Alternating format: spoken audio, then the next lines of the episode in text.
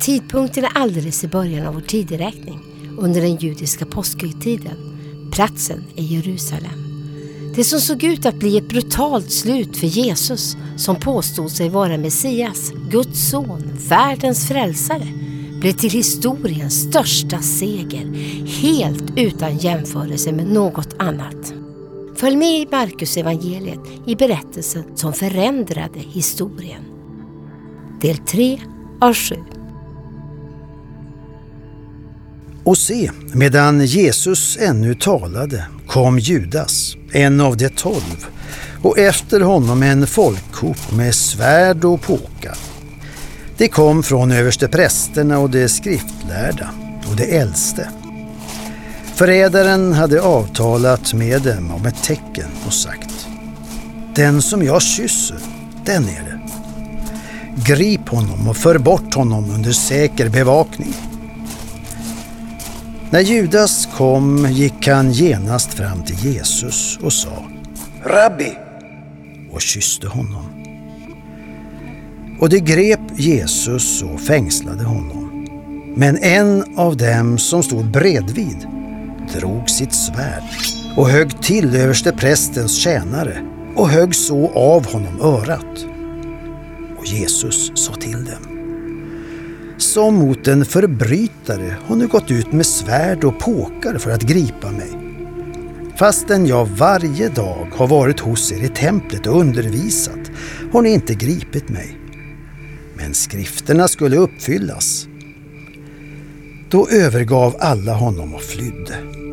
Och en ung man klädd i en linneskjorta på bara kroppen följde efter Jesus. Honom grep det tag i men han lämnade linneskjortan kvar och flydde undan, naken. Det förde Jesus till översteprästen och där samlades alla översteprästerna och de äldste och de skriftlärda.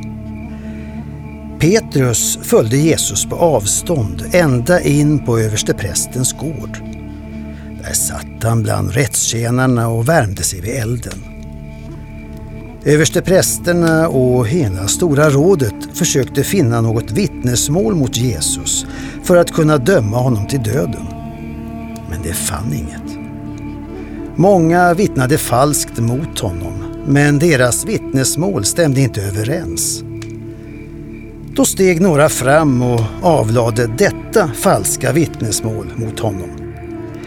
Vi har hört att han sagt, jag ska bryta ner detta tempel som är byggt med händer och på tre dagar bygga upp ett annat som inte är gjort med händer.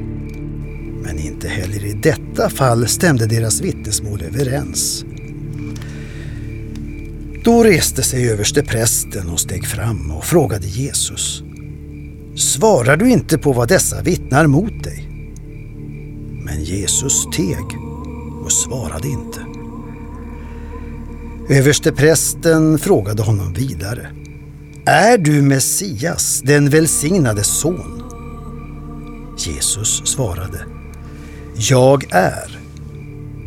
Och ni ska få se Människosonen sitta på maktens högra sida och komma bland himlens moln. Då rev översteprästen sönder sina kläder och sa Behöver vi några fler vittnen? Ni har hört hädelsen. Vad anser ni? Alla fann de honom skyldig till döden. Några började spotta på honom, band för hans ögon och slog honom med knytnävarna och sa Profetera! Och rättstjänarna tog emot honom med hugg och slag.